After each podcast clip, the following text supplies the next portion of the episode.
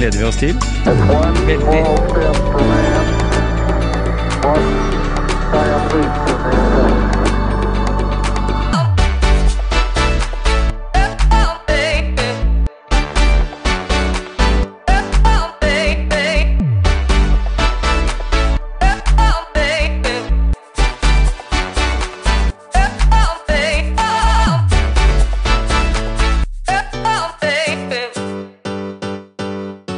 Men, tror- men tror du den påvirkninga der blir litt sånn Skaper vi egentlig sånn i samfunnet i dag litt eh, klasseskiller mellom Når du ser det selges en hytte for 14 millioner, som kanskje gjør at vi etter hvert langs kysten får en sånn adel av alle de som har sjanse til å betale over 10 millioner for hytte, da. Hva nå med neste generasjon?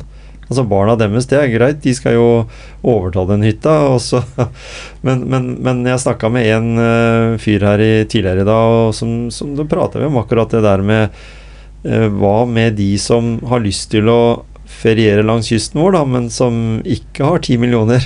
De fleste Mm. har jo ikke det. Så, så det vil jo si at det vil være på en måte noen få hytter som tilhører fagforeninger og sånne ting, hvis ikke de selger de for å få de pengene. Men, men at det på en måte har blitt skapt en sånn eh, ja, ja, som jeg sier, litt, en litt sånn adel i Norge. At det laga litt klasseskille mellom middelklassen og det øvre sjiktet igjen. da, Og så kanskje også på en måte fått fram enda mer fattigdom. Et, sånn som det kan virke. Ja, i hvert fall klasseskille, ja. Ja. Det, det blir jo det så lenge vi får eh, et land som blir rikere og rikere med flere og flere rikere mennesker som er villige til å betale for å få det de vil ha. Eh, Det Sånn har det alltid vært, men så forskjellene har blitt selvfølgelig større og større etter hvert som vi får mer og mer god råd. Ja. Om hvordan skal man forebygge det, da? Det er nesten håpløst. Egentlig. Eh, selv om i en ideell verden så hadde det ikke vært sånn, for da ville det vært en makspris på hytter, liksom. For at alle har muligheten til å kjøpe det, men du nesten bare være først ute. Men eh, så har det blitt en sånn så er det blitt en del av A4-jaget. da, Det å ha en flott plass ved sjøen eller en flott plass på hytta. eller du har jo, Det er ikke hytter og fjellhytter og sjøhytter. Det er jo bare enebolig som er nesten bedre enn du har hjemme. både Ja. Det er jo sånn voldsomme standarder også. så det er en helt annen Nye generasjoner har fått en helt annen standard på hva hytte er enn hva dere her, eller vi her, da, har Ja, ja. opplevd det med utedo og Med litt luksus hadde vi solpanel, liksom. Ja. Men jeg har ikke noe svar på det. det er, så si at det er urettferdig og noe forbanna drit. Jeg kan godt si det, men der handler jo om igjen hva folk er villige til å betale for, og at det er usmart. Det er jo en annen ting, men at det blir jo gjort. Og så lenge jeg har råd, så hvorfor skal ikke jeg få lov til å kjøpe en hytte? liksom? Ja. Og så er jeg, er jeg, å, jeg er med på å presse prisen oppover. Den var dobbelt så mye verdt enn vi egentlig burde vært. verdt, liksom. Så det betyr at det er veldig mange av mine tidligere kamerater som ikke har råd til å kjøpe en hytte. De har ikke lov til å være med til markedet, for det har blitt så kunstig, og vi har blitt så mange som er millionærer som har råd til å betale for det. Det er jo skikkelig urettferdig system. Men Men sånn er det. Pengen, det. Ja, peng- Pengene er der. ja, ikke sant? Jeg husker også det når vi var litt sånn mimret her i, i stad, eh, og vi er jo fortsatt det. Jeg er det. Jeg graver litt i gamle arkiver. Og for noen år siden så var faktisk Geir Tangen en av de første med Tesla. Ja. Eh, Du, og du var ikke aleine om det. Dere var flere andre Ja, det var jeg. av deg, var ikke det? Corny greie, egentlig. ikke Teslaen, for jeg er ikke noe sånn som er veldig spesielt interessert i bil, men jeg er veldig sånn gadget-fyr. Ja. Alt som kan virke på gadgets og gjøre morsomt hjemme med lys og lyd og alt sånt, det sånn setter sammen. Og det kan godt være ting fra Biltema og Claes Olsson. Eller kjøpe noe annet som bare det virker og jeg synes det er moro. Og når da Musk laga en bil som var bygget for meg på gadgets, så syns jeg det var veldig interessant. Og så litt sånn frem og tilbake om jeg skulle ta meg råd til å kjøpe en sånn en. Eh, For jeg har aldri hatt så dyr bil noen gang, tenkte jeg da. At, eh, men så tenkte jeg at svarte lever bare en gang, og så nå har jeg muligheten, så da kjører vi på. Og så var det en journalist som ringte og hørte at jeg hadde bestilt en, om vi kunne lage en greie på det. Eh, I forhold til Og da har jeg akkurat samme innstilling som jeg Eller samme innledning som Ja, jeg har hatt til deg nå. Med, da var vi tre kompiser mm. som kjøpte hver vår. Ja. Og så, ja, Han kan godt prate om liksom, elbilens inntog, og folk var så negative til det, og liksom, hva jeg mente om det, og liksom hadde den vinklinga på det. da Og så, Det er spennende. Og så går det da en dag eller to, og så er det førstesida i Thea kjøpte biler Kamerater kjøpte biler for 2,1 millioner. Skjønner du? Sånn helt sånn fjern Ja, ja. ingress eller overskrift som blir helt meningsløs, som ikke hadde noe med saken å gjøre i det hele tatt. Men øh, det syns jeg var teit. Men øh, det var jo bare sånn personlig at det ser ut som vi driver og fronter at det ser jo kule vi vi har hatt råd til å kjøpe, eller Ja, hva det måtte være. Liksom. Det er jo bare fjas, ikke sant. Men øh, det er det folk kan sitte igjen med, da. Ja, det, var jo derfor jeg tenkte, for jeg så Ja. den uh, artikkelen, Det er så teit, ja, det, og jeg blir så oppgitt av eh, ræva journalistikk. Og du har jo sagt til meg eh, tidligere at eh, det var jo ikke lenge du hadde den bilen heller. Nei, sånn du- ikke fordi du ikke Men det var vel ikke helt etter uh, Nei, jeg, var, jeg fikk en sånn mandags-Tesla, tror jeg, som Ja. uh, den ble levert med feil og hadde feil hele, hele tida jeg hadde den i de elleve månedene. Så det endte var så mye feil at det endte med at eh, Tesla kjøpte bilen tilbake igjen etter elleve måneder. Ja, Og så kjøpte jeg bensinbil igjen. ja ikke sant? Man må jo dra inn det var til, da. Ja, Mm. absolutt. Nei, men uh, Sånn helt på tampen, uh, Kjetil. Kjør på. Kjør på. Ja, ja, jeg, jeg har full av tamper her, jeg. Ja, Tamp 2. Sånn her, her, som vi, her, som vi er, her som vi er ved, ved elva, så er vi jo, har det egentlig vært, vært mye hamper her. Eller tamper. Ja. Ja.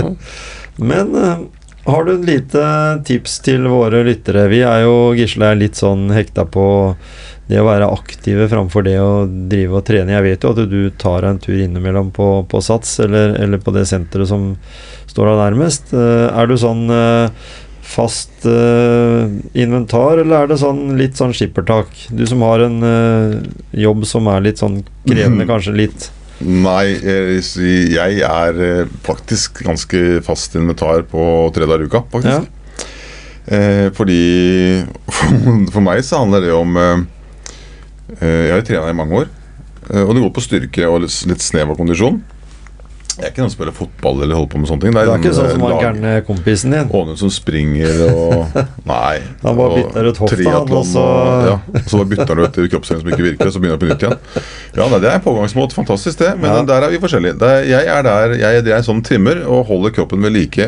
Sånn, jeg føler at den skal være såpass ærlig. 50-50. Den ene 50 er fordi jeg ønsker å holde kroppen ved like så godt som mulig. Uten å slite meg helt i hjel. Så det er sånn time, en time tre ganger i uka. Eller 45 minutter. Eh, for å kunne beholde styrke og fleksibilitet og bli gammel uten å få vondt de første åra, i hvert fall. Og så resten er egentlig bare ren, skjær forfengelighet. Det er ikke verre enn det. Nei? Det er ikke det er så mange som ser meg naken, men det sånn, det bare føler seg vel og føler at det er greit, liksom. Og det, og det er eh, noe du også tenker på det, Gisle. At det er jo litt Du er litt sånn opptatt av at en ser fin ut òg når en trener. Det er ikke bare for å ha muligheten til å gjennomføre en triatlon. Nei, jeg ser på det som Geir sier, altså det der eh, å bli eldre, da. Å kunne gjøre ting Mm. uten at eh, det stopper seg for fort. Jeg liker å kunne gå på hendene og slå en salto og greier, ja, og det Ja. har jeg lyst til å gjøre så lenge som mulig, da. Så ja, og litt forfengelighet, da. Ja, Og jeg henger meg på det Det må jo være lov, for vi, vi har jo snakka med, med Altså, vi har jo venner, sikkert alle og enhver her, som, som en prøver å motivere til å tenke på samme måten. eh, fordi de på en måte har litt mer eh, å dra på enn det en har. Og en har, kan jo ha det i perioder sjøl òg. Ja, og så, for, så tenker jeg at eh, for meg så handler det om fysikk og det mentale. Ja. Det gjør meg godt. Det er liksom litt sånn lykkepille i det, tenker jeg da. For mange så er det det. Mm. Jeg har aldri Jo, det har hatt, men generelt så har jeg aldri gleda meg til å være på trening. Jeg har trena i 25 år. Jeg har aldri gleda meg til det, er sånn, det er noe jeg må Det er blitt en sånn tradisjon, nei, ikke tradisjon, det heter en, en vane, da. Ja, ja. Mm. Og at det skal jeg bare gjøre. For at jeg blir så misfornøyd med meg selv hvis jeg ikke gjør det. Mm. Det går ikke an å deprimere meg. Det er så greit å holde det sånn noenlunde ved like. Og når koronaen kom, så ble ting stengt også. Så ble det sånn kjelleren med noe strikk og ting, at han ble sånn fjas. Og begynte jeg forfalle litt. Og så var det sommerferie, og det ble ikke noe, jeg hadde ikke jobb. Det liksom var litt aktivitet, og jeg gikk vel opp ganske mange kilo. Og så etter sommeren da, så i fjor sommer, da, og så satt jeg i bar overkropp i en, en godstol på hytta og så på meg selv og sånn Nei, min isverte, faen, er det mulig, liksom? Nå er det bare nå er det hel krise i mitt hud i forhold til hvordan jeg pleide å være, eller ønska å være, hva det måtte være. Og det var helt krise. Da bare tok jeg et oppgjør med meg selv. Altså, nå, nå, dette her holder ikke lenger. Og så var jeg flinkere hjemme, og så var jeg flinkere på treninga. Altså, nå skulle du gjøre ordentlig, og så fikk jeg muligheten til å ta en PT en periode for å hjelpe meg med litt nye ting for å komme i en ny rytme. for Ja. ting og tang. Så gjorde jeg det, og så holdt jeg ved like da, heldigvis. Men, eh, men det, det er så lett å si at det bare bestemmer seg å vise styrke i seg selv og bestemme seg for å gjøre det. Det er lett å si når du klarer å få det til, men det er så mange der ute som Åh, som Det er så vanskelig Livet føles vanskelig. Det er eh, masse påkjenninger, det er kanskje familiære ting, det er kanskje hvordan du har det med deg selv, og så du er misfornøyd, og kanskje du har gått for langt, har altfor mye kilo og for dårlig form, føler deg ikke vel til noen ting. Nei. Og det er bare trist, for at alle har mulighet. Og så kan du liksom tenke at eh, så er det noen som står på trening, så kommer en tjukkas, da. Så kikker du på han, og så, faen feit, ikke sant? Istedenfor å applaudere. Så han har faen meg kommet seg ut av sofaen, Ja, han. Så, så er han på treninga for å gjøre en endring på livet sitt. At det må folk få inn i huset. At det, det her er å bare applaudere. Ja, ja. Alle som, eh, som ser ut som de aldri har gjort noe hele sitt liv, som faktisk er på et treningssenter eller er ute og jogger, eller selv om du ser han sliter langs veien. Han gjør det. Eller hun. Det er fantastisk. Og det har jo Gisle og jeg snakket om på andre episoder. Dette er med noen som kommer seg ut og går f.eks. til VR-løs, da. Som ikke har vært eh, i aktivitet i. Ja, det er kjempekjedelig. Men, men Men altså, vi finner jo forskjellig motivasjon, da. Ja, da, Så liksom finne en gulrot. den, eh, Ja, ja, ja, det det Og den motivasjonen du sier du har der, med nettopp det der at det har blitt en vane, det har vi snakka om med folk og andre folk, det at det er nesten det viktigste.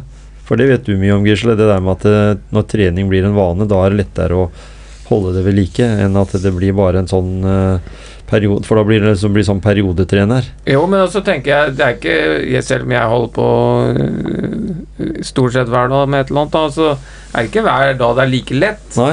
Men, men jeg vet at uh, den jobben må jeg gjøre hvis jeg skal ja, få til det jeg ønsker, da, med å være bevegelig og kunne gjøre mange ting, da. Ja. Så, så det er klart at det, man må jobbe litt sånn mentalt med seg sjøl. For, for det er jeg tror ikke det er lett for ja, Det er noen det er lettere for enn andre, men det er, det er ikke lett for eh, noen å være i en forskjellig faser av livet, eller Neida.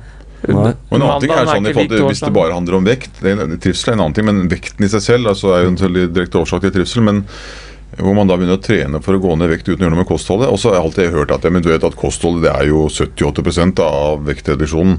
Ja, ja, bla, bla, bla. bla. Så trener du og jogger litt og holder på, og så spiser du det samme, så skjer det veldig lite.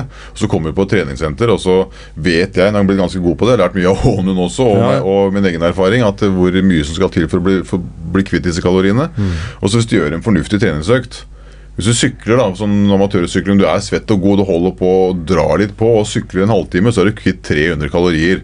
Og så kjøper du en sånn proteinbar i resepsjonen med masse proteiner. Og så står det så baksiden med 312 kalorier. Da har du- gått opp i vekt, da. Ja. Det er. Men Det er sunt, da, for det er bra for muskulaturen og sånne ting. Men du har faktisk gått opp i vekt når du har vært på trening. Ja. Og det er sånn veldig dumt at For du skal være bevisst på hva du holder på med hvis du kjøper sjokolade når du er ferdig å trene. Ja. For veldig mange er der også, eller i hvert fall en del er der for å gå ned i vekt, og da er det veldig dumt at det ikke er mer opplysning om akkurat det. For det, Det, det, det er er, det er mange som blir lurt der, altså. Det Og det å kunne endre på kostholdet Jeg gjorde det faktisk i fjor eh, etter at den der nedturen i, i stolen foran hytta, når jeg kikka på puddingen.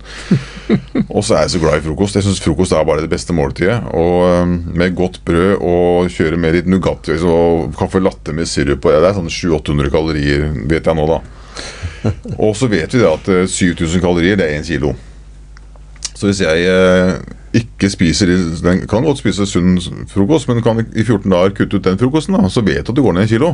Så hvis jeg da endrer kostholdet hele tiden, så har jeg mye mer å gå på, for jeg er glad i godteri òg. Det er lørdag nesten hver dag, føler jeg. Og alt er godt hele tiden.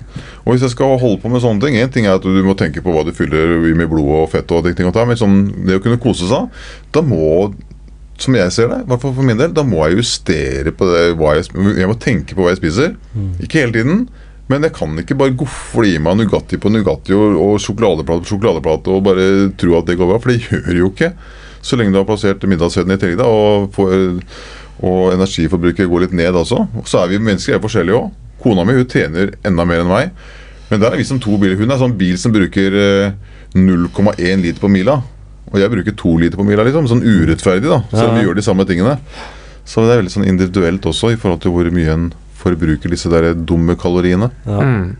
Men, al- allikevel da, så er jo den treninga og den felles aktiviteten dere gjør, det er jo for å på en måte bygge en antageligvis eh, bedre framtid. da. De sier jo det at det er ikke sikkert en lever så mye lenger av å trene, men en lever bedre. Han der, hva heter han luringen som driver Bergen, den hypokondiklinikken? Han eh, Ingar Nei, jeg vet den. Ja, han hadde i hvert fall en sånn Wilhelmsen eller noe sånt. Wilhelms, Wilhelmsen, ja, stemmer. Mm. Og han hadde en greie på det at det, med jogging annet Det er jo Om du forlenger livet ditt med tre år da ved å jogge Og du jogger ganske mye. Hvis man holder på å jogge, så gjør man gjerne det flere ganger i uka. Men du må huske på at den, den, den tida du får, de to-tre åra du får ekstra leve, de får du helt på slutten. ja. Ikke sant? Eh, Fra 80 til 83, da. Så, så da må du veie opp i forhold til Nå det er satt på spissen av humor, selvfølgelig, men, men poenget mitt også er jo det at eh, trening det skal ikke bare være for at du skal være, bli frisk og holde deg lenger, men det, skal være, det må være litt trivsel i det også. At du føler underveis at det gir deg noe. Om du ser deg i speilet, eller at du føler deg bedre enn du trener, om du har fått noen endorfiner ekstra, eller kjenner at det, oh, det var godt å få gjort det. At man også prøver å fokusere litt den veien også, at ikke det bare er et ork. Jeg har hatt sånn til tider at jeg gjør bare ting som er ork, men da blir det bare tull. ikke sant? Men jeg tenkte at å, så bra at jeg gidder å gjøre det, så bra at jeg har fysikk til å kunne faktisk dra på trening og gjøre det. Og det syns jeg er en sånn eh, digresjon også til i forhold til eh, holdning til ting som er litt kjedelig. Vi gjør jo mange kjedelige ting som er, eh, som et annet menneske ville sagt som var luksus.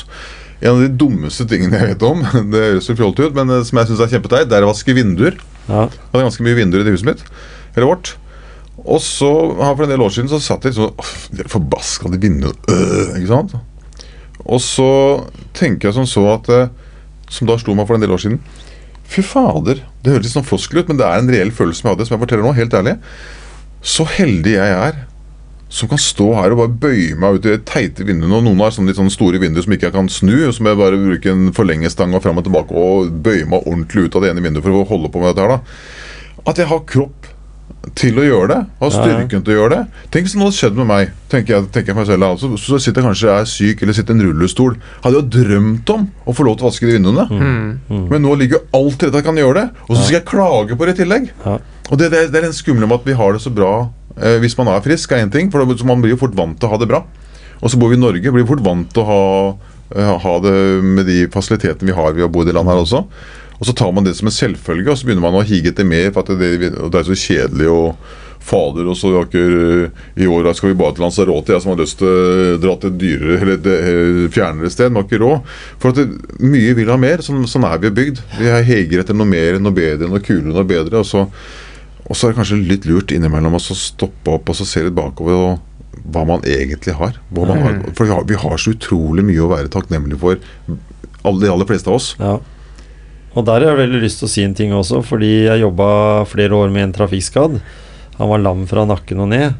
Uh, og så hadde jeg vært på en eller annen fotballkamp, ødelagt meg i kneet, så hadde jeg vondt i kneet. Så jeg måtte jo knytte skolissa hans. Og så, idet jeg var ferdig med å knytte, så tok jeg meg til kneet, og så sier jeg au, liksom idet jeg reiste meg opp. Ja. Og så sier han hva er det for noe, har du vondt? Ja, jeg har fått skada kneet, eh, så jeg har vondt i kneet. Så sier han til meg ja, hadde jeg bare hatt det. Ja, ikke sant? etter det jeg Tenk deg vondt i kneet. Ja, jeg har aldri klaga etter det, altså, for jeg tenkte at da har jeg jo ingen grunn, for han sitter jo der og skulle jo gjerne bare hatt vondt i kneet, Mm. men han kan ikke røre et uh, rønne, rønne bein eller armer eller noen ting, liksom. Så Det er så lett, som jeg sa, å bli eh, bortskjemt i eget liv. ja. Selv om vi har alltid våre ting å stri med. Noen kan høre på dette her og si at ja, fader, det er ikke så lett. da, Vi har mye å stri med, jeg eller de. ikke sant? Og ja, sånn er det. Men allikevel så har, mener jeg at de aller fleste av oss har ganske mye å være takknemlig for også. Bare Ja. å kunne senke den garden og lista litt i forhold til hva vi har å være takknemlig for. Mm. Og da tenker jeg Nå skal jeg ikke si på tampen, men jeg sa det. Ja, det Kan eh, Geir fortelle litt om hva, som, uh, hva han gjør framover? Er det noe show på gang? I, nå er det begynner å åpne opp her rundt forbi, så det regner jeg vel med at du har noen Ja. spenstige planer? Det er Det har jeg faktisk. Ja. Eh, selv om ikke jeg har kommet i mål, egentlig, så har jeg alltid noen planer. Eh, Og det har liksom vært Jeg skal ikke ta den historien, da, men hele mitt liv så har jeg vært at jeg det er så spennende å gjøre nye ting. Ja. Eh, når jeg da får en idé, så er det sånn at eh, fader, det, den ideen den, den, den føltes bra. Det, det har vært moro å oppleve. Og da gjør jeg ganske mye for å få til det. Og da pleier det helst å gå bra, heldigvis. At du kan godt bruke to år på det. Eh, eller at det kan gå 14 år å få det til. Men, eh, og sånn har liksom vært litt i mitt liv også i forhold til når jeg var med i et prosjekt som Ja, Dere hadde vel han der i Hushovd her, hadde ikke Ronny? På besøk? Husker jeg feil? Han hadde ikke vært her, men han var i boka mi. Var i boka, ja. Stemmer Ja. det. boka, ja. ja. Eh, på et prosjekt som heter Prosjekt X, som jeg gjorde for en del år siden. Hvor, som, om å, som endte med å bli en TV-serie. Eh, For det var min sånn ungdoms- eller ung voksen-idé om at en gang jeg får råd til det og muligheten til det, så skulle jeg bygge eh, en sykestue eller en skole i et u-land et eller annet sted. Eh, Den, og den satte seg den tanken der i mange mange år, og prata høyt om det og det med å få til et eller annet måte. Og så endte det med eh, at det ble et TV-prosjekt, og den skolen, eller sånn førskole ble bygd i Namibia. Eh, og det var sånn som var litt sånn snodig prosjekt som var vanskelig å selge inn, men vi klarte det til slutt. Det, men, det var, men ideen var jo å få til den skolen, ikke hva TV-programmet ble. Det var bare sånn selve ideen.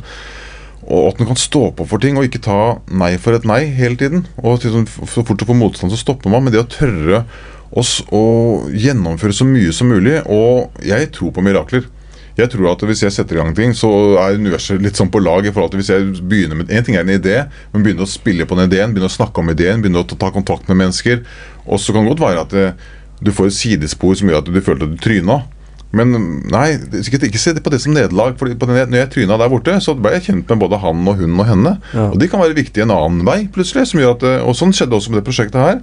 En kar som jeg hadde med å gjøre, som ikke var noe prosjekt som ikke var noe suksess på noen måte, han dukka plutselig opp igjen. Eh, I det hvor mange hvor jeg da skulle prøve å få til prosjekt X. Og uten han så hadde det aldri blitt suksess. Nei. Jeg hadde aldri fått gjennom det prosjektet. Og det å liksom se ting litt større sammenheng, da. Når man skal prøve å få til ting. Men det var igjen, det prata meg fullt ut med digresjoner og bla, bla, bla. Nei, men jeg tenkte at, kanskje eh, du skulle fortelle litt om det. Og, og vi har jo fått se, lest litt om Lene Kongsvik Johansen. Hva er det for et prosjekt? Ja, det var også en greie som jeg fikk her eh, for noen år siden, faktisk. Som jeg tenkte for Jeg var med på noe revy og noe operette og sånn. Eh, forestillinger som for en del år tilbake. Som jeg syns var veldig gøy. Jeg sånn, hobbysang. Jeg er ikke noe god til å synge, men jeg synger med den stemmen jeg har. Altså, synes det er gøy å være med på ting. Og liker å være på scenen som jeg alltid har gjort. Og så tenkte jeg det må jo være Hadde jo vært moro å spille film, tenkte jeg. Eh, men jeg er jo ikke noe utdanna innen film, men jeg har jo masse tanker om, og følelser som jeg tenker jeg har spilt på andre ting jeg har jobba med.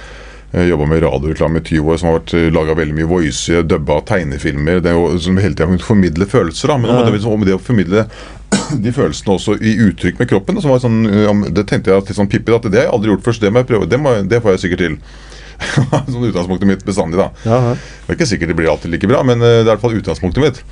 Og da eh, tenkte jeg det her er, jeg tror det er fem år siden, ja, som jeg da tenkte at dette skal jeg prøve å få til. Jeg har lyst til å spille film. Og så skjer jo ting hver gang, tenker jeg. Hvis du virkelig setter deg inn og vil få til et eller annet, så dukker det opp muligheter. Så må du tørre å ta noen sjanser og sånn.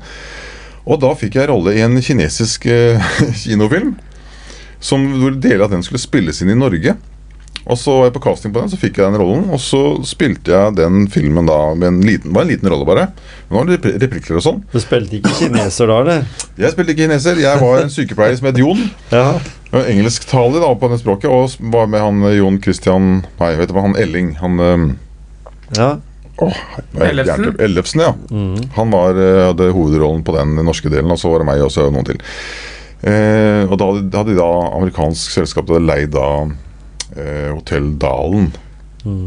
Nei, men det var Drit i den historien. Poenget var at jeg fikk gjort det. Og det var veldig morsomt å Ja, se seg selv på film. Og Da var det over 20 millioner så den filmen i Kina. Ja. Det er ingen som vet om det, bortsett fra du som har klart å finne ut av det. da Jeg har sikkert lagt det på Facebook en gang i tida. Ja, ja. Og så gjorde jeg det. Og så tenkte jeg at det var jo morsomt. Da er jeg ferdig med det. Og så kom korona, og så tenkte jeg nei, det, er jo, det er ikke lov å underholde nå. Det er ikke lov til noen ting. Og så der var jeg kanskje på i fjor På et år siden, nei, sånn nyåret i fjor. Eller nesten et år siden. Som jeg tenkte at det, nå, det her begynner å bli veldig kjedelig. Å ikke gjøre noe. Jeg Å bli gæren. Jeg sa jeg måtte ha- snakke med terapeuter. Ja, på huet mitt. Jeg ble deprimert og ikke gjøre noe. Og så tenkte jeg nei, nå fyrer vi løs på castingen igjen. Castingbyråer og sende inn taper av meg sjøl og være tilgjengelig og ting og tang. Og så litt fram og tilbake, og noen prøvefilmer på noen reklamefilmer jeg ikke fikk. Og frem og tilbake, så plutselig fikk jeg telefon om jeg var interessert i å prøvefilme til en rolle til uh, serien til Lene Kongsvik, da, Kongsvika. Og så tenkte jeg ja, det, det må jeg prøve på, tenkte jeg da. Og så gjorde jeg det, og så gikk det bra. Så jeg fikk den rollen. ja. Uh, det skal vises nå i høst. Uh, så det var, så det synes jeg var kjempegøy å være i en rolle og nå spille, Det var ikke noen spesiell karakter jeg gjorde, egentlig, men du måtte spille på litt følelser litt fram og tilbake. For blant annet hun, en av hennes Lenes rollefigurer da, er en voksen dame som eh, blir forelska i meg. Men jeg er mer interessert i dattera hennes, og så blir det sånn komplikasjoner rundt dette her. sånn, så men det var så gøy å kunne spille tinga og være i denne verden hvor jeg kjenner at det kan være en rolle å og diskutere og prate i filmen da, eh, under opptak, og glemme at det er 18 kameraer og 100 mennesker rundt deg. Du bare er i det. Å, så gøy! Det syns jeg var kjempegøy. Og da tenkte jeg dette må jeg gjøre enda mer. Og det er jo nå i sommer. Jeg gjorde siste innspillingsdagen av Kongsvik. Og så tenkte jeg da at ja, øh, så har jeg da fortsatt med det. Og nå i går prøvefilma jeg på en film. En øh, engelsk film. Eller en, en italiensk Nei, en nederlandsk produksjon. På en større film. Netflix. På en større rolle. Som øh, jeg fikk veldig bra tilbakemeldinger på. Men det er jo som sagt, det vet vi ingenting om ennå, om det går i boks. Nei. Så jeg har et par sånne roller faktisk jeg har testa ut nå, så jeg venter svar på. Om det går eller ikke, det er ikke så vanskelig. Men det, det, det er ikke så nøye. Det er nøye, men på den måten at jeg syns det er så gøy å ha noen baller i lufta. da Og så har du i tillegg fått tilbakemelding fra regissør og fra castingfolk at fader, dette var kjempebra. Det er ikke sikkert du passer inn for det. Kanskje du er 20 cm for høy for den rollen, ikke sant? eller at det er andre ting som passer, ikke passer inn i karakteren. eller noe Men at det du gjorde på castingen var veldig bra. Og Ja. du får stadig sånne ting. Tilbakemelding på det. Senest i dag fikk jeg det. Og sånn, å, så gøy å få den der mestringsfølelsen og føle at du duger til noe. Liksom, sånn, og du blir aldri for gammel til det. Nei? Selv om du har duget til noen gjort mange bra ting i 100 år, så er ikke det. Men at det er liksom på en måte litt ferdig Men Du kan ikke leve på det bestandig. Du trenger liksom påfyll på Føle at du mestrer eh, Om ikke folk får vite om det, men for deg sjøl. At du har det bra med deg sjøl. At dette, er mest, dette var gøy. Og ha det moro. Og det er jo litt av det budskapet dere også snakker om, og, og som vi har snakka om før i dag. Og det å prøve så godt en kan, gitt de forutsetningene man har, til å være positiv og få et positivt søkelys på livet sitt. da, For å kunne endre på det som ikke fungerer. og som jeg pleier å si at Hvis du drømmer om å gå på en ny vei, som jeg sier til mine klienter også, og jeg, og jeg sier til meg selv på en dårlig dager Hvis jeg drømmer om å gå på en ny vei, så kommer det aldri til å skje. Med mindre jeg begynner å gå på den veien. Ja, ikke sant? Sånn er det jo bare. Mm. Du kan sånn sitte og finne tommeltotter og håpe at noen ringer og ber deg på fest. Det er mye lettere å be inn til fest. Ja. Da skjer det mye fortere. Og den regelen der, eller den tommeltottregel på å uh, prøve å være aktiv skaper i eget liv, da. Ja. Ja, det tror jeg er veldig viktig, og det tror jeg mange har eh, mye å hente på. da Mm. For vi, vi er jo lett for å dette inn i den samme rytmen, da, og så kommer vi ikke ut. Mm. Så liksom få de der verktøyene, og høre det fra andre, ikke minst. Og tørre. og tørre liksom, Ja. Selv om du ikke føler at du er modig nok, men gjør det allikevel. Mm. Det er litt sånn Harald Rønneberg, hva er begrensa hvor galt det kan gå, liksom. Ja. Og selv om ikke du kan leve av ideene dine, så i hvert fall gjør det som en hobby. Eller i hvert fall har du lyst til å stå på en scene fordi du har lyst til å liksom, være litt som revy, ta kontakt med lokalrevyen der du er bor. Ja. Gjør det. Ikke bare tørr. Du, kan, du, kan, du, blir alltid bedre. Om du føler deg superamatør, så er det alltid folk som vil løfte deg og gjøre deg bedre og, og finne din rolle, din plass der du gjør, gjør det best. ikke sant? Altså, Mm. Ha det gøy med ting. Mm. Det er så viktig. altså Prøve å leke så mye som mulig. Og da er det jo egentlig sånn, Gisle, at da er det jo egentlig filmskuespilleren Geir Tangen vi har her òg. ja. Ja, det er liksom det er det. Jeg innleda jo med det. Jeg, det er jo så mye at jeg vet ikke hvor jeg skal begynne, liksom. Men da Det er jo mye i den samme sjangeren, men det er Ja. så mye forskjellig, da. Ja. Det er bare nysgjerrigheten, tror jeg. Sånn, Ja. man kan liksom sånn skryte av å ha holdt på med så mye. Men det, det tror jeg ikke handler om å være flink eller modig. Det handler om at det er meg som er så utrolig rastløs og nysgjerrig hele tiden. At, det, at jeg gjør da forskjellige ting. Og så når jeg da bestemmer meg for å gjøre noe, så prøver jeg å gjøre det ganske bevisst. Og tørre å gjøre det ordentlig, og så jobbe hardt for å få det til.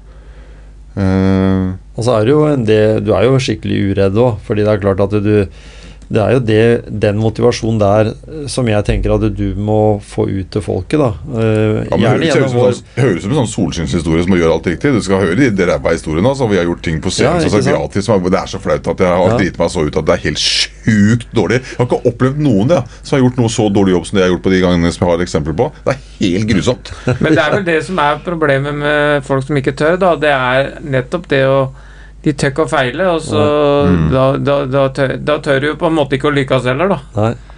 Nei, det er lett å si, men og jeg skjønner Jeg er helt enig med deg. Men så, så alle har liksom ikke den derre stå-på-evnen eller viljen til å bare drite i om du driter deg ut, liksom. Ikke ha noe sånn magamål på Nei, drit nå, det går, det går sikkert bra. Eller vi kjører på. Mm.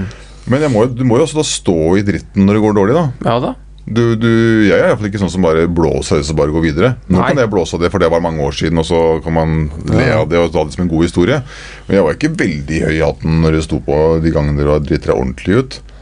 Jeg har liksom snakka om det her med erfaring i livet. Jeg var jo økonomisk ruin. Jeg hadde så dårlig råd jeg, at, å rota det til med en sånn butikk jeg hadde starta med noen greier. og sånt. Det, det, det var så dårlig at jeg, jeg slapp militæret pga. dårlig økonomi. Jeg var 19 år. Jeg begynte jo tidlig. da Jeg starta meg sjøl da jeg var 17. Mora mi måtte stå som eier på det første firmaet, men det gikk greit før hun fikk ikke noen konsekvenser av det. Men jeg roter rota det til noe voldsomt på alt mulig. Ja. Men det, som den var en sånn dyr vei, og moderen eller andre kan si at det, det, den, du drar til høyre der, Tangen, eller Geir. Det er, det er ikke så lurt. Det, det tror jeg kan fort bli litt drite meg ut. Der kan du drite deg ut.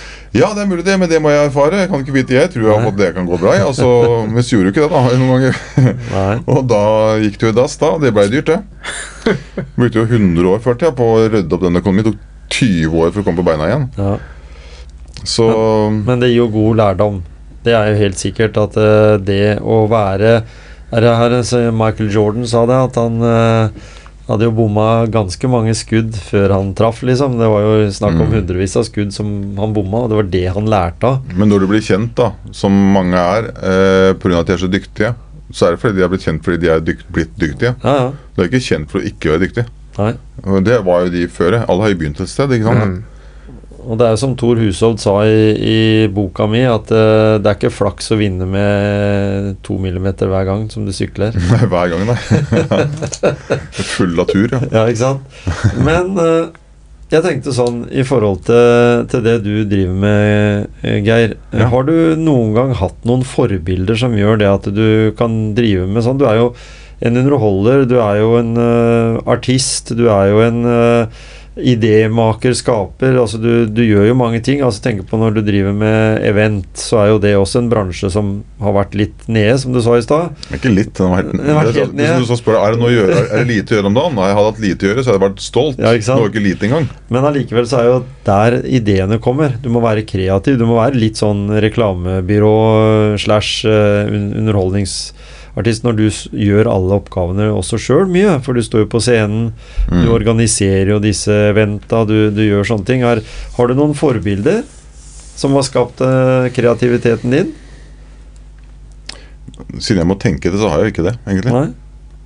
Har egentlig ikke hatt noe sånn forbilde på at det, det er målet å komme dit eller dit, egentlig. Målet har vel egentlig bare helt jeg hatt uh, prøvd å ha det fra tidlig stadie. Prøve å ha det moro å gjøre ting jeg har lyst til å gjøre. Eh, Så du, er, så du er egentlig en sånn type skuespiller Du er ikke en sånn skuespiller som skulle erstatte Claude Van Damme, liksom? Du er jo heller en skuespiller som eh, ønsker kanskje å spille i Side om side eller noen av de seriene der, for det virker jo som at det er noe som du syns er artig, da. Du, den, den humorvarianten, den, den Ja. kommer litt brått på meg også. For jeg er ikke spesielt eh, jeg, jeg gjør ting og act på, på scenen som er morsomt, Ja, ja. som er gøy. For at det er samspill med de du tar fra scenen, og sånn, så blir det alltid gøy. Men jeg er ikke noen humorist eller standup-komik på noen som helst måte. Og at jeg skulle være med i en komiserie, det, ikke, det er ikke meg som er morsom der, det er jo Lene. Jeg, jeg bare spiller jo en karakter som gjør at det her blir morsomt pga. Mm. hennes greie, liksom. Eh, jeg tror ikke humor er liksom det jeg tenker at jeg Jeg skal aldri si aldri, men eh, jeg tenker mer sånn drama Det kan også være mer actionvariant i forhold til sånn type middelalder, Vikings, den type ting også. Mhm. Jeg kan jo si det nå, men jeg var veldig nærme å, å Det er bare et par år siden, rett før, koronaen. Jeg var eh, en av to som sto igjen da, og, i en rolle i, som jeg skulle være med i litt over en halv sesong av uh, The Last Kingdom. ja. Vet du hva det er? Ja. Mm, Serien der, ja. Skulle spille en sånn der gal konge, så jeg var på prøvefilm på den. Det gikk veldig bra. Veldig spennende å gjøre den rollen også, for det var jo sånn veldig, veldig karakter, da. Og så ser jeg på at det var en sånn type rolle hadde vært veldig kult. å spille litt sånn maniac-fyr eh, med et eller annet. Og så det, Så tenkte jeg, og det har jeg tenkt på de siste par åra da, at jeg begynte å tenke litt ekstra i forhold til hva jeg har lyst til å gjøre framover. Ikke i tillegg til eventer og show og sånn, men liksom det å gjøre litt nye ting også, da.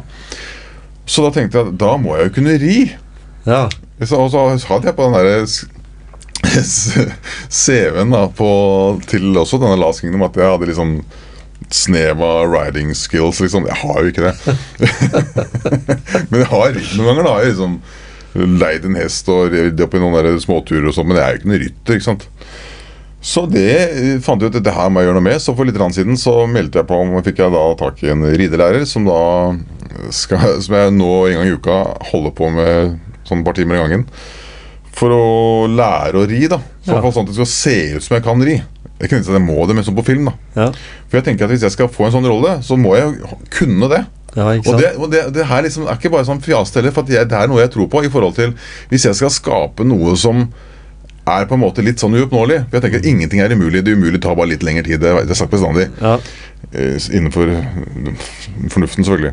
Men allikevel, hvis jeg da spiller på lag med den skapende universet jeg tenker jeg er en del av, så hvis jeg da setter i gang Hvis jeg skal kunne et eller annet, så må jeg sette i gang, da. Ja. Så holder jeg på med ting, så later jeg som jeg allerede Jeg gjør det. Jeg går ut og later som jeg har fått en kul rolle allerede. Jeg vet jeg får den. Sånn tenker jeg hele tiden. Dette skal gå bra. Det er mulig at den rollen går i dass som jeg spilte inn for i går. da At den, det ikke blir noe. Men da blir det noe annet, da. Mm. Som passer meg bedre. Som, det er ikke bare at jeg har vært dårlig, men som sier at uh, regissør og casting finner ut nei, det passer ikke bra med medskuespilleren, for de er jo 1,73 høy, og jeg er 1,97. Passer jo ikke inn i, i samspillet her. At den dynamikken ikke passer, eller at det er andre ting. Men så det, det skal ikke liksom disse meg selv på noen måte. Jeg har gjort en dårlig jobb, så er det greit, det også. Men liksom, plutselig så dukker det opp noe som passer for meg, som da smeller, og så blir det bra. Hvis jeg fortsetter å ha lyst til å gjøre dette her, da. For det ender jo at jeg liksom jobber hardt med ting, og så tenker jeg nei, det har jeg ikke lyst til lenger. Og så bytter jeg retning, og så gjør jeg noe annet. Så, ligger, så ligger et sånt uh, foto hos noen i i Hollywood, eller? Noen sånne agenter? Ikke i Hollywood, nei. Nei. Tror du ikke det? Nei, Men det eh, ligger i noen andre castingbyråer i England og Norge. Ja, ikke sant? Mm. Og for Gisle han ville jo gjerne være med på Rådebank, vet jeg. Oh, ja. Nei, jeg, jeg kunne Ja, jeg kunne jo vært med på noe Vi- sånt. Det hadde vært gøy, det. Vi hadde Mm. nemlig en podkastopptak med Knut Inge Solbu, som, Ja. som da var eh, utøvende produsent av Mm. Rådebank. Og da fikk vi akkurat eh, under den innspillinga så fikk vi beskjed om at du kunne melde deg som statist til eh, ny sesong av Rådebank.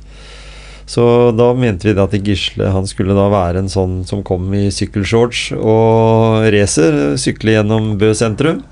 Og bli spesielt merket det, for det var jo litt sånn fokus på sykling der. Ja, ja, ja. Skulle tenke miljø. Men nå vet jeg ikke, nå røper jeg kanskje noe, Gisle, som ikke du hadde lov å si noe om. Jeg vet Nei, ikke om det har har blitt noe av noe jeg ikke har lov å si, jeg. Men Nei. altså, hadde jeg blitt spurt, så hadde jeg sagt ja, ja. Ja, Jeg fikk faktisk Daniel eh, Fare, Ja. som er regissør på Rådebank, han eh, ringte meg i forrige sesong, eh, eller fikk en mail et eller annet, om jeg kunne være, gjøre en liten rolle i den sesongen som var nå sist. da ja.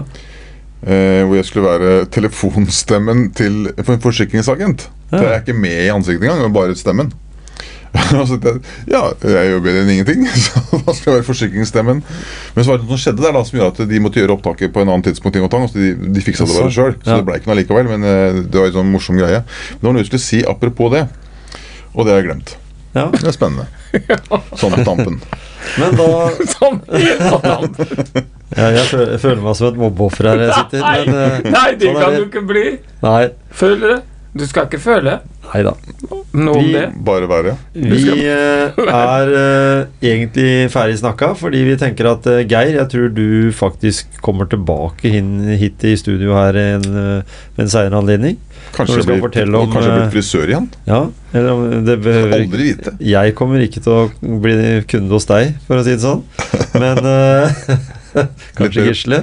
Uh, Kanskje Men uh, kanskje vi tar en prat da om enten det blir The Last Kingdom, eller det blir uh, en eller annen av noe. Hvem Ja, vet? og da tenker jeg også sånn at eh, selv om det er viktig å ha Jeg tror det er viktig for folk å ha mål, Ja. og det man har lyst til å erfare Hva er, jeg, hva er det jeg velger nå? Hva er det jeg velger om fem minutter? Om fem dager, om fem Eller hva er det, si, si på en annen måte Hva er det jeg har lyst til å oppleve om fem minutter, om fem dager, om fem timer, om Ikke fem sant? år? ikke sant? Det handler om de valgene jeg tar til enhver tid. Så det er litt sånn, ja, sånn på slutten, på Mm. tampen, og, det budskapet om at eh, prøve så godt den kan der den står sjøl, med de forutsetningene og evnene man har til å Mm. ta bevisste valg i forhold til hva jeg har lyst til å erfare. For de, der, de valgene jeg tar, handler jo om de følelsene Hva jeg ønsker å føle? Ja. Og det handler jo om de valgene jeg tar. Og da, da nytter det ikke å gi næring til årsaken til det du ikke vil føle. Som man ofte gjør da i situasjoner hvor det er kjipt. Og, og jeg skjønner jo det at det er masse mennesker som har utfordringer med nære relasjoner og andre som aldri tar slipp, på en måte. da Men likevel å prøve å finne sine rom for å skape den gleden i livet, for å ha det bra Mm. med seg sjøl. Og det å ikke minst med venner, familie, og gjøre hverandre gode. Ja. Løfte hverandre. Mm. Vi lever én gang, i hvert fall det livet her. Og når vi har så godt liv som mulig, så bor vi i Norge i tillegg. Vi burde ikke hatt lov til ikke ha det bra. Nei. Og i tillegg så kan vi jo oppfordre lytterne våre til å stikke innom og lese litt hva du skriver på sosiale medier òg. Det er mye, mye bra du skriver der, Geir. Så en dag så blir det vel boka.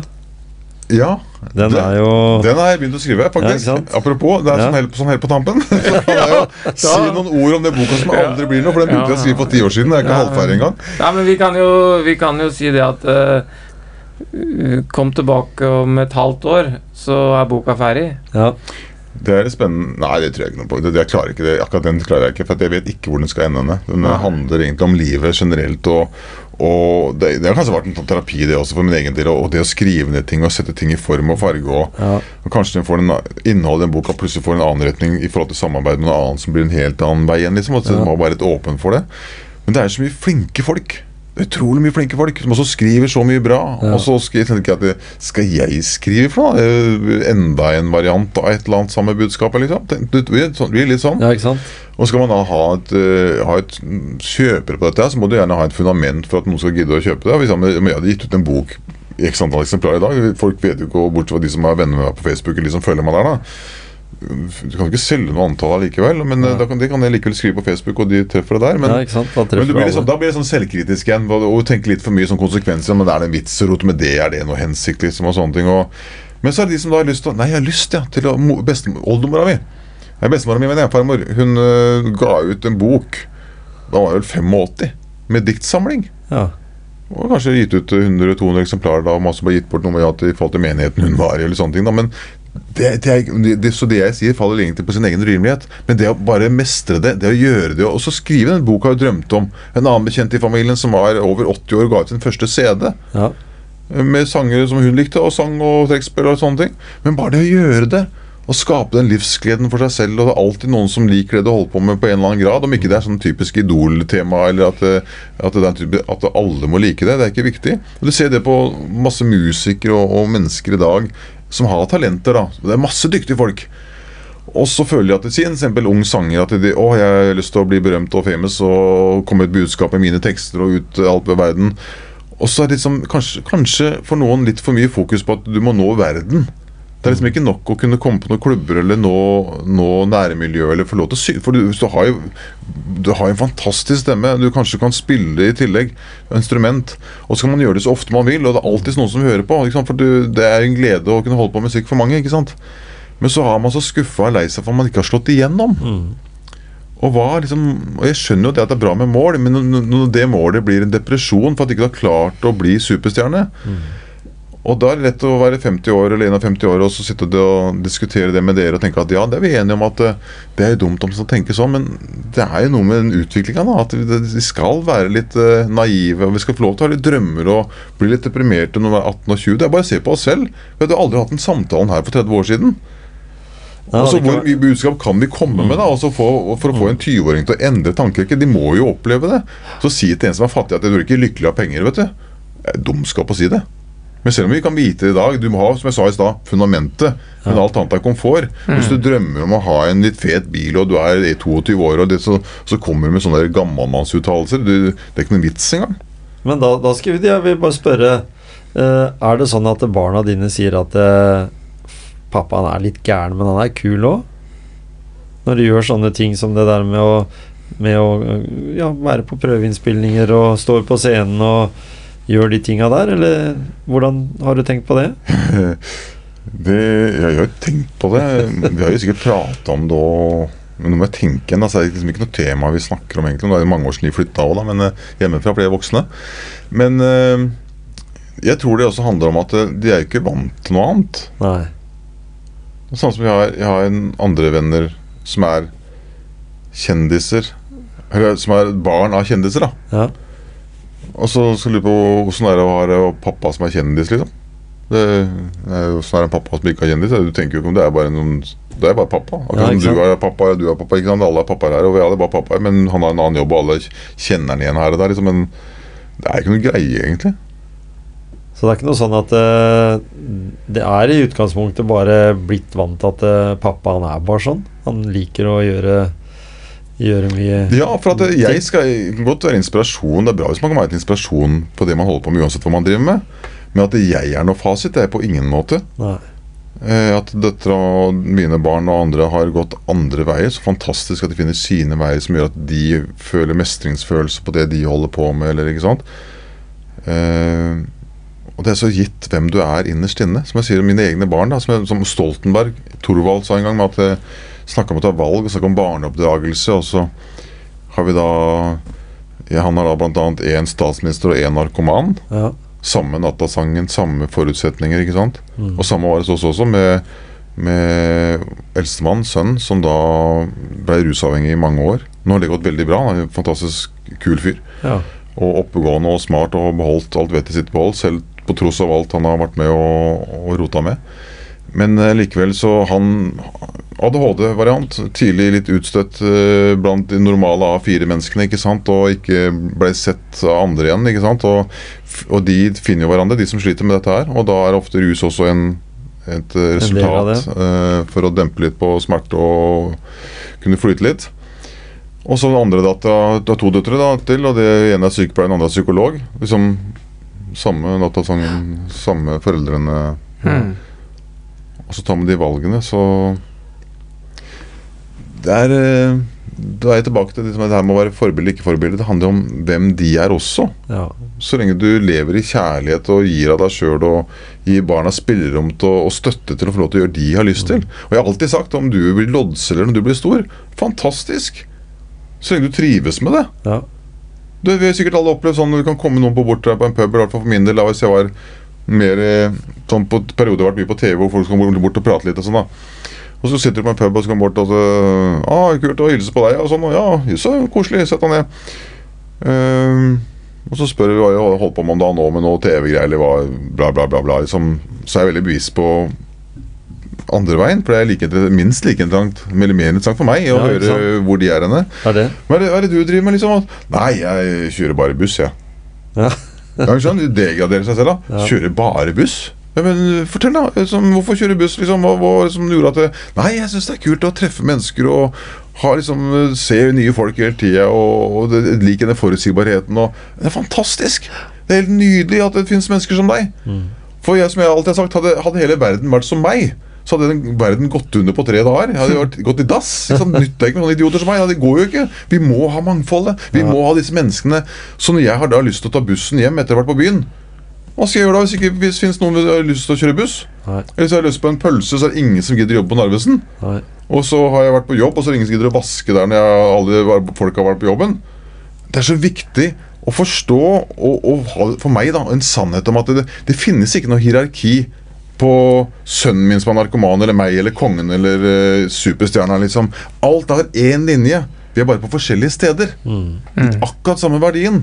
Å forstå og respektere hverandre for den vi er, og at vi er på forskjellige steder. Ikke drive og brife om at jeg er bedre eller dårligere. Nei, vi er ikke der. Vi er annerledes. Vi er forskjellige. Men behold den respekten, så syns jeg det er mye lettere å tenker at det hadde vært mye lettere å forholde seg til hverandre hvis vi kan ha den respekten for hverandre. Mm. At vi er forskjellige. Vi har litt snurrige og litt raringer. Og jeg elsker raringer, bare de er ekte. Ja. Ekte er jo fantastisk ord for meg når det gjelder mennesker. Ekte mennesker som byr på seg sjøl. Kan godt være en raring, Mm. men du er i hvert fall ekte. Prøver ikke å være noe mer enn det du er. Og det kan vi sikkert alle tre snakke om, for den gangen vi vokste opp, da var det litt sånne annerledes personer som fikk lov å være normale i samfunnet, på en Mm. måte. De fikk lov å eksistere. De fikk lov å bo for seg sjøl. De fikk lov å bo med mora si eller med faren sin, eller de fikk lov å jobbe på Union eller på Hydro eller i Posten. Mm. De, de, var, de var det. I dag så er jo ikke alle de i det miljøet, da, fordi de var jo en del av et miljø. Så Men sånn helt på tampen, da, Ja, ikke sant? så, så vil jeg bare si at uh, det er kanskje greit å, å tenke at man er god nok som man er, og ikke bruke resten av livet sitt på å bekymre seg om man er god nok eller ikke. Ja, igjen, som jeg har sagt sikkert 30 ganger i sending her, at eh, det er så lett å si. Men det å implementere det i eget liv Når vi har et uh, verden med nye unge menn Det gjelder ikke det alle, selvfølgelig, men du ser jo veldig ofte, fordi de er synlige, de som er på mye på sosiale medier, og hvor man lever livet i stor grad med filter. Og når også voksne gjør det, altså, sånn dårlige signaleffekter i forhold til Det er ikke nok å være seg sjøl. Du skal være flottere eller du skal være bedre, eller ting og tang, og man skal legge ut ting som er eh, nesten bedre enn deg sjøl. mange ganger har vi ikke sett på restauranter eller vært ute blant steder hvor det ser ut som en jentunge sitter og kjeder seg, eller en guttunge eller en gjeng. Gjør ingenting, og så plutselig skal du ta noen selfies, så er det bare joho, smil og trutemunn og filter og ting og tang, og vi er på verdens kuleste party, eller er, nå er vi sånn og sånn. Ja. Og så gjør man egentlig ingenting, og sitter egentlig bare og kjeder seg. Så skaper man, nå setter jeg på spissen selvfølgelig, men det skjer det også, at man skaper verdener som ikke eksisterer. Og så går alle rundt og tror at alle har det bedre enn seg selv. Og så går satt på spissen igjen, alle hjem og egentlig og gråter, for de er ikke helt fornøyd. Nei. Og så har vi fått en sånn der filosofi om at eh, du skal helst være på rød løper, og du skal se bra ut, du skal ha de og de formene, og du skal se sånn og sånn ut, du skal holde på med det og det. Som en slags sånn gitt forutsetning for at du skal ha en såkalt suksess. Og det er, det er ingen som er der, egentlig. Men det er veldig mange som tror at de er der, eller tenker at det andre er der. da. Og så kommer man ut og antar at alle andre har det bedre enn meg. Og så ender jo det med at ingen har det bra. Ja. Så, så sånn eh, Og så ikke være ekte, da. Så sånn i fare for å repetere seg sjøl, som du sa, som du hadde repetert 30 ganger, så, Jeg hele tiden. så, så, så får vi da vel si at vi avslutter der, tror jeg. Kjempefint at du kunne komme, Geir. Bare Sånn hyggelig. Hyggelig å være her. tampen, Så, så tenkte jeg ville si at uh, Gisle og jeg er tilbake igjen eh, neste uke med nye spennende historier. Mm.